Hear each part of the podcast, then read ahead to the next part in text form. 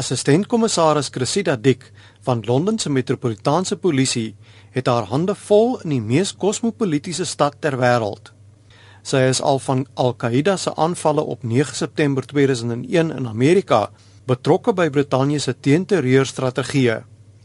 Dick wy uit oor die bedreigings wat hulle die hoofgebied het. We've prevented in the UK a major attack, uh, we believe, every year uh, since 2001, and we have had no loss uh, of innocent life since the terrible events that you will all be aware of in 2005 on our transport system in London up until last year.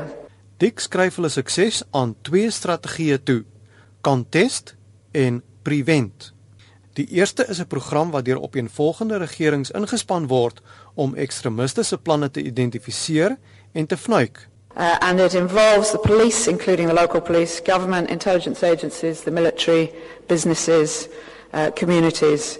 It involves a very wide range of, of uh, people and groups very effectively, and it is that strategy which allowed us to deliver a safe Olympics 20, 2012 in the face of a genuine and real threat.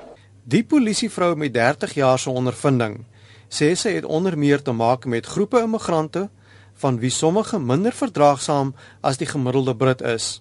Heelwat mense verlaat ook Brittanje om in konflikte soos die in Sirië te gaan veg.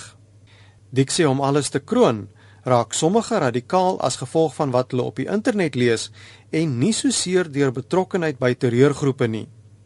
Sy sê om dit teen te werk, reik hulle uit na groepe en individue wat meer kwesbaar is.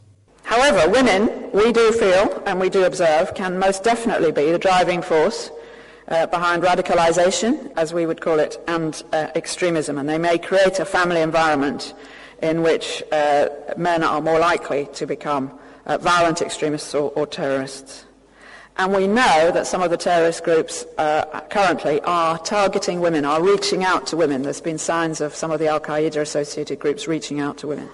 Dit herinner aan die 29-jarige Samantha Lewthwaite wat in die dorpie Aylesbury buite Londen groot geword het, maar nou verdink word van terreuraanvalle in Oos-Afrika. Dick sê die aard van terreurgroepe het verander. So I can summarize those sort of changing uh, threats. First of all, in the, as uh, coming from more countries, as Dr. Sakali has said, less command and control, less probably large-scale spectaculars, uh, more loose networks, probably more lone actors, and certainly more people radicalized from the internet or primarily from the internet. Sy sê dit maak tradisionele intelligensiewerk moeiliker en hulp van gemeenskappe meer noodsaaklik. Ek is Dries Liebenberg in Durban.